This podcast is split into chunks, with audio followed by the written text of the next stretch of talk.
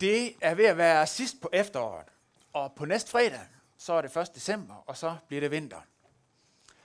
Og øh, jeg kunne lige bruge anledning til at høre, hvor mange af jer har fået vinterdæk over. Ja, det kan godt se, at jeg er ved at være bagud der. Jeg har simpelthen ikke øh, fået det gjort endnu. Det er en af de ting, der sker. Efteråret går over i vinter, og det bliver mørkere og mørkere. Og der er nogle ting, der får enden, fordi at det bliver vinter. Vi kan se det i naturen. Blade falder af, og farver forsvinder og sådan nogle ting. Og kirkeårets læsninger afspejler den forandring, der sker i naturen for tiden. Teksterne handler nemlig også om en ende, om verdens ende, om dom, om Jesus, der kommer igen. Men samtidig med, at det bliver mørkere, så er der også noget, der bliver lysere. Næste søndag, der er det første søndag i advent. Der tænder vi først et lys, og så næste søndag igen et lys mere. Det bliver lysere og lysere. Og teksterne begynder at handle om Jesu komme, både den første i julen, og hans anden komme, når han kommer igen. Og i dag er det så sidste søndag i kirkeåret. Og teksten er den om verdensdommen. Og den vil jeg læse nu her fra Matthæus evangeliet kapitel 25. Der står, Når menneskesønnen kommer i sin herlighed, og alle englene med ham, der skal han tage sæde på sin herlighedstrone. Og alle folkeslagene skal samles foran ham, og han skal skille dem, som hyrden skiller forerne fra bukkerne. Forerne skal han stille ved sin højre side, og bukkene ved sin venstre. Og der skal kongen sige til dem ved sin højre side, Kom, I som er min fars velsignede, og tage det rige i arv, som er bestemt for jer, siden verden blev grundlagt. For jeg var sulten, og I gav mig noget at spise. Jeg var tørstig, og I gav mig noget at drikke. Jeg var fremmed, og I tog imod mig. Jeg var nøgen, og I gav mig tøj. Jeg var syg, og I tog jer af mig. Jeg var i fængsel, og I besøgte mig. Og der skal de retfærdige sige, Herre, hvornår så vi dig sulten og gav dig noget at spise, eller tørstig og gav dig noget at drikke? Hvornår så vi dig som fremmed og tog imod dig, eller så dig nøgen og gav dig tøj? Hvornår så vi dig syg eller i fængsel og besøgte dig? Og kongen vil svare dem, Sandelig siger jeg, alt hvad I har gjort mod en af disse mine mindste brødre, det har I gjort mod mig. Og der skal han sige til dem ved sin venstre side, Gå bort fra mig, I forbandede, til den evige ild, som er bestemt for djævlen og hans engle. For jeg var sulten, og I gav mig ikke noget at spise. Jeg var tørstig, og I gav mig ikke noget at drikke. Jeg var fremmed, og I tog ikke imod mig. Jeg var nøgen, og I gav mig ikke tøj. Jeg var syg og i fængsel, og I så ikke til mig der skal også de sige til ham, Herre, hvornår så vi dig sulten, eller tørstig, eller fremmed, eller nøgen, eller syg, eller i fængsel, uden at vi hjalp dig? Der skal han svare dem, Sandelig siger jeg jer, alt hvad I ikke har gjort mod en af disse mindste, det har I heller ikke gjort mod mig. Og de skal gå bort til evig straf, men de retfærdige til evigt liv.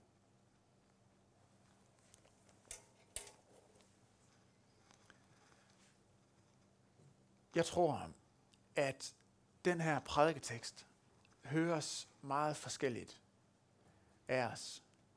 Alt efter, hvor vi lige er i vores liv. Alt efter personlighed. Og øhm, derfor har jeg ikke skrevet bare én prædiken, men faktisk tre prædikener til i dag. Halleluja. tak, Anders. Altså. De er ikke alle sammen lige så lange, som en prædiken plejer at være. Men øh, det betyder også, at der er kun en af prædikenerne, der er til dig. Men du skal finde ud af, hvad for en af dem der er til dig. Der er tre prædikener. Den første er til den ængstlige kristne. Den anden er til den selvfede kristne. Og den sidste er til den nysgerrige, som bare er sulten efter mere af Jesus.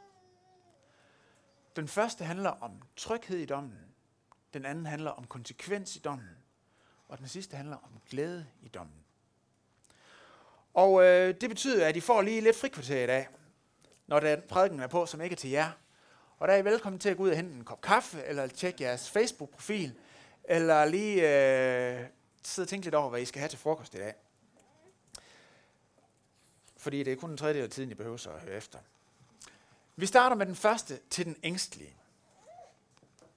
Jeg tror helt sikkert, at for nogen af jer, der giver det en hård klump i maven, når I hører sådan en tekst som den her, som verdensdommen.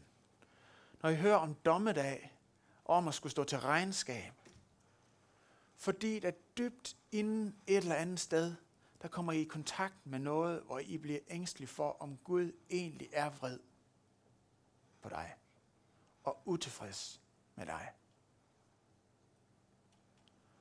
Og I stiller spørgsmålet, hvad nu, hvis jeg ikke har gjort det godt nok? Hvad så? Og begynder at sidde og spænde i nakken. Det dig vil jeg sige, lad os prøve at kigge på nogle af detaljerne i den her tekst. For det første står der i vers øh, 41, når der tales om den evige ild, så står der, at den er bestemt for djævlen og hans engle.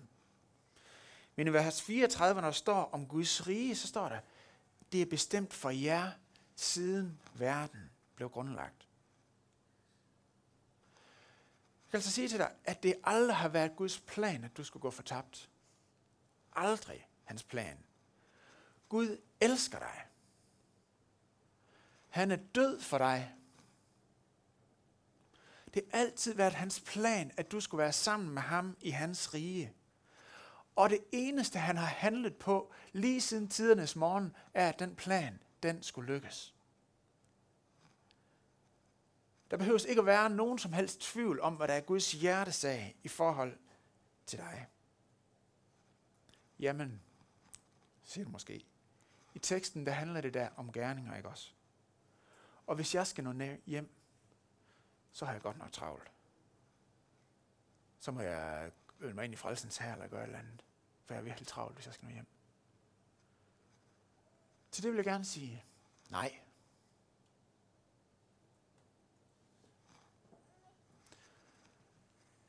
Du er allerede hjemme. Du er allerede hjemme, hvis du tror på, at Jesus er Guds søn, og du er døbt til at tilhøre ham, så er du allerede hjemme, home safe. Tryghed i frelsen er ikke en destination, som vi skal kæmpe for at komme frem til ved at leve et godt liv. Men det er noget, som vi kun kan blive givet. Det kan kun være et udgangspunkt.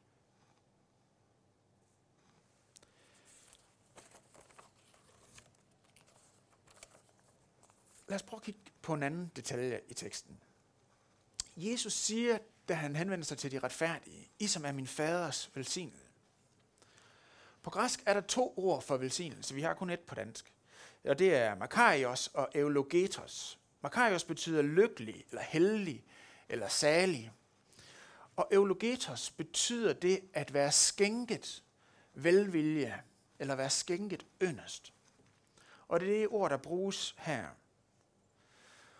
Og det, den grammatiske form, som der er på det ord, på det her sted, indikerer, at den velvilje er noget, der er blevet skænket på forhånd. Og noget, der er skænket, det er ikke noget, man har gjort sig fortjent til.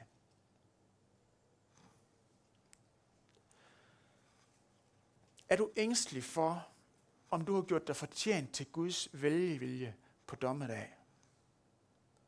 Så hold fast i, Hold fast i det, Jesus har gjort for dig og skænket dig. Det kan aldrig være noget, du har gjort dig fortjent til. Det kan kun være noget, han har skænket dig. Hold fast i det. Og når du tror på Jesus, så er han i dig. Og alt hvad han er, er du også. Har han gjort det godt? Det kan du jo så stille det spørgsmål. Har han gjort det godt? Så gælder det for dig. Er Gud begejstret for Jesu liv, så kan jeg sige dig, så er han det også for dit. Og kan Jesus anytime stå til ansvar og regnskab for det liv, han har levet med frimodighed, så gælder det også for dig. Det gælder i dag, og det gælder også på dommedag. Jamen hov, hvad så med de her gerninger, som teksten handler om? Hvad med de sultne? Hvad med de syge? Nå ja, det er rigtigt. Luther han siger en ting omkring gode gerninger. Han siger, det er ikke gerninger, der gør en mand god, men en god mand gør gode gerninger. Det er den gode mand, der er udgangspunktet.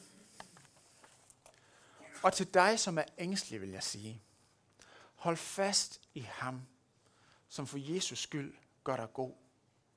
Hold fast i Jesus, din frelser. Så skal alt andet nok følge efter. Gå med fred. Amen. Så kommer vi til den selvfede. En dag, der skal vi alle sammen stå til regnskab for vores liv. Og det vil for mange blive en øjenåbner, der kaster et nyt lys ind over det liv, som vi har levet indtil da. Det kan være, at du lever dit liv i stor tilfredshed, og godt tilfreds med de muligheder, som livet har givet dig. Det kan også være, at du lever et liv i stor utilfredshed, og synes, at det er for dårligt, at du aldrig har fået de muligheder, som andre har fået. Men på den sidste dag, der vil spørgsmålet være, hvordan dit liv har været til velsignelse for andre. Har du levet et indadvendt liv, der handlede om din velfærd og din komfort, hvad du kan godt kunne tænke dig, hvad du lige har lyst til? Eller har din glæde og det, som har været passionen i dit liv, været at se andre vokse? Se andre blive fri for deres smerte, lindre deres smerte og løfte dem op. Det er det, dit liv vil blive evalueret på. Og den ene mulighed er, at du har levet et selvfedt liv, og da vil følgen af det blive evig straf og smerte. Den anden mulighed er, at du har været optaget af at tjene andre, og der vil følgen af det blive evigt liv og glæde. Og den tredje mulighed, den er der ikke.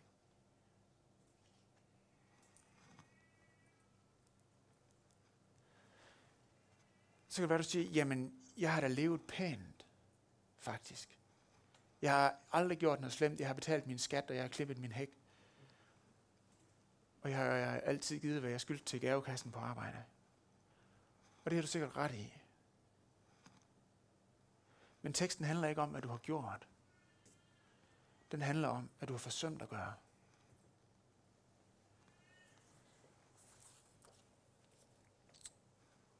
Så kan det være, du siger, jamen altså, jeg er da kristen. Jeg er da endda i lutheraner. Altså, og øh, vi tror ikke på, at vi bliver frelst af gerninger.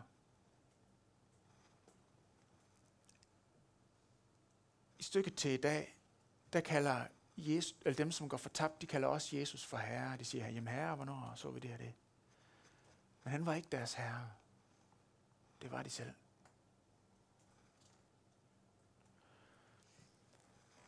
Når Jesus flytter ind i det menneskes liv, så føder det automatisk gode gerninger. En levende tro resulterer altid i en forvandling af livet, sådan at det bliver kærlighedsgerninger. Og den sammenhæng med, at Jesus flytter ind, flytter ind, og hvad der så kommer ud af det, den er så konsekvent, at Gud med sikkerhed ud fra gerningerne kan sige, om troen er der eller ej. Og det eneste, der kan forhindre vores liv i at blive forvandlet, er den modstand, vi selv yder imod den forvandling. Og imod Helligåndens arbejde i os. Der er et hav nede i Israel, der hedder det døde hav. Det er sikkert alle sammen hørt om. Og det hav, det, er, det ligger på det laveste punkt under øh, havoverfladen, det laveste punkt i verden. Og det er kendetegnet ved, at det kun har et tilløb, men ikke noget fraløb. Det bliver bare ved med at rende til og til og til. Men der er ikke noget fraløb. Der kommer ikke nogen følge af det. Der er ikke noget, der render ud videre. Det hedder det døde hav. Det er det selvfede hav. Det er dødt, fordi der ikke er noget fraløb.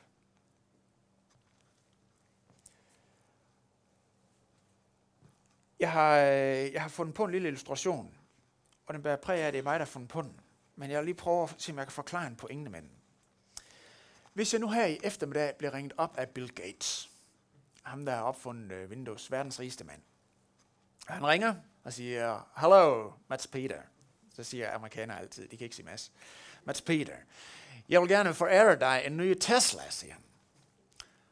Og det og noget af det bedste, en person kunne sige til mig. Og så siger han, det er ikke bare en ny Tesla, men det er den nye Tesla Roadster. Hvor mange har, hvor mange har set uh, og læst den? den? Ja, det har jeg ikke fået vinterdækkene på, men uh, den har jeg dog læst om. Det er den hurtigste bil, der er bygget til dato. Den har en acceleration fra 0 til 100 på 1,9 sekunder. Og den er helt vildt smuk. Og øh, der er mange års ventetid på, at man kan få den. Og faktisk så er det sådan, bare for at, bare for at få lov til at reservere en, der skal man betale 1,5 øh, danske, 1,5 millioner danske kroner. Den er ikke billig. Og, øh, og Bill han ringer og siger til mig, den vil jeg forære dig kvidt og frit, og den eneste betingelse er, at du har lyst til at køre Tesla. Ja, det har jeg. Og at du bruger den til glæde for andre. Og så siger han, der er godt nok øh, ventetid, men jeg har fået fat i en. Jeg har betalt rigtig meget for at få fat i en, og den bliver leveret nu her i løbet af næste uge, og der bliver opstillet en øh, ladestation om på Årdalsvænget 24, og den er gratis at lade der. Det hele får du kvitterfrit. Og jeg synes bare, det er fantastisk, den får bilen, når den bliver installeret osv. osv. Og så efter et år, så kommer Bill lige forbi. Han var alligevel på sådan en rejse herover og skulle se, om han kunne få os øh, væk fra at bruge Mac til at bruge noget PC i stedet for. Og så øh, kommer han lige forbi Årdalsvinget, og så øh, opdager han, at den her Tesla Roadster, den står inde i min garage med sort lag støv på. Og han kigger ind, og kilometertælleren den står på 0. Og så kommer jeg hjem fra arbejde. Og så siger han, Mads Peter, du har verdens hurtigste bil. Jeg gav dig en kæmpe gave, men du har slet ikke taget den til dig. Og den generositet, jeg har vist dig, har du overhovedet ikke ladt præge dit liv. Jeg tager min Tesla med mig igen. Jeg tager den fra dig.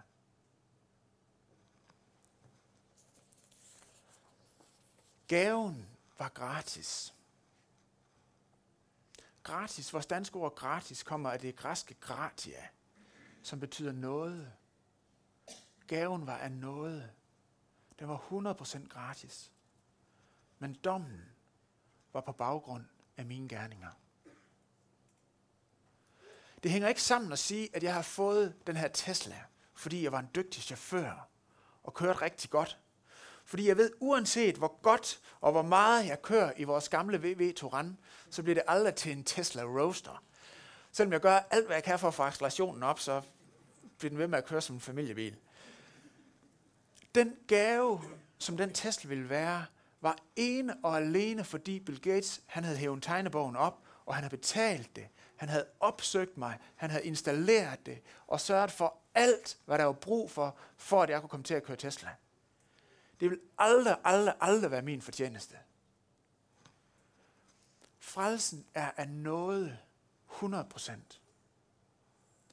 Dommen er efter gerninger. Jeg har et spørgsmål til dig har Jesu generøsitet, hans barmhjertighed, hans kærlighed og hans godhed vendt dit hjerte væk fra dig selv, så du er optaget af at give videre og hjælpe andre.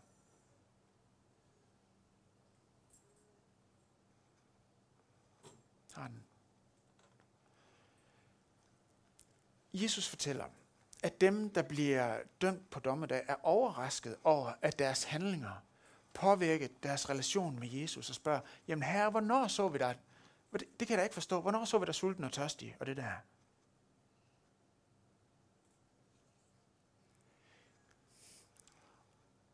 Det her, det handler ikke om, at Gud ikke elsker dig. For det gør han. Det handler ikke om, at du ikke er inviteret med. Det handler ikke om, at Guds nåde ikke gælder for dig, for det gør den. Men det handler om, at du har sagt nej tak til at være med i Guds rige. Og sagt, nej, jeg vil, jeg vil leve i mit eget rige. Jeg vil leve i Mads Peters rige. Jeg vil have Mads Peter som centrum for mit liv. Jeg vil godt have Jesus som frelser, men ikke som herre. Hvis det er sådan, du lever dit liv, så er der kun dom tilbage for dig. Den dag. Så bliver det konsekvensen af dine prioriteringer.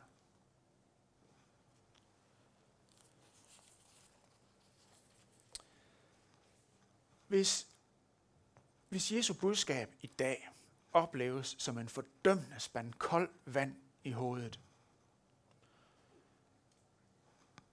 så skal du vide, at Jesus netop fortæller det her, for at du ikke skal blive fordømt på et senere tidspunkt. Han fortæller det nu, hvor muligheden for en ommer, den er der. Og den mulighed er i dag. Den er her for dig i dag. Derfor siger han det her til dig i dag.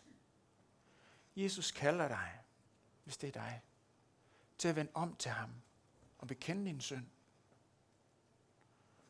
Kom tilbage til ham, tæt på ham. For tæt på hans hjerte. Det er der, vores hjerter bliver forvandlet. Det er der, vores selvfede hjerter bliver helbredt.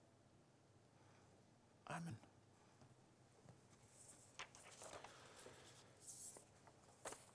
Så er det den sidste, til den nysgerrige. Og jeg er spændt på at se, hvem det nu er, der går ud og henter kaffe. til den nysgerrige. Det er til dig, som måske overvejer, om du skal blive kristen. Som bare er sulten efter Jesus, har fået smag af et eller andet her. Og måske også til dig, som allerede kender Jesus, måske har gjort det i mange år, og som stadig bare ønsker at komme tættere på ham. Luther siger sådan her. Gud har ikke brug for dine gode gerninger. Gud har ikke brug for dine gode gerninger for at frelse dig. Så giv dem til din næste. Til dig vil jeg sige i dag, du skal ikke gå og være bange for, om du har de rigtige gerninger, om der er nok af dem, osv. Det du skal være bange for, hvis der er noget, du skal være bange for, det er, at om dit hjerte skulle blive koldt over for Jesus. Fordi så længe, at han er din største glæde, så længe, at dit liv drejer sig om ham, så vil dit liv også være genmarineret af ham. Og ved I hvad? Han har forudlagt gerninger til rette for dig, som han vil lede dig i. Så lad være med at være øh, sindssygt opdaget, optaget af din egen lille frelse. Fordi så ender det nemt med at komme til at handle om dig alligevel. Og du ender nemt med at blive enten ængstelig eller selvfed. Og det er faktisk ret kedeligt. Så vær optaget af Jesus. For det er ham, der kommer til at være der på dommens dag. Og han har styr på dommens dag. Glæd dig over Jesus. Og gør det, som glæder ham til din største glæde.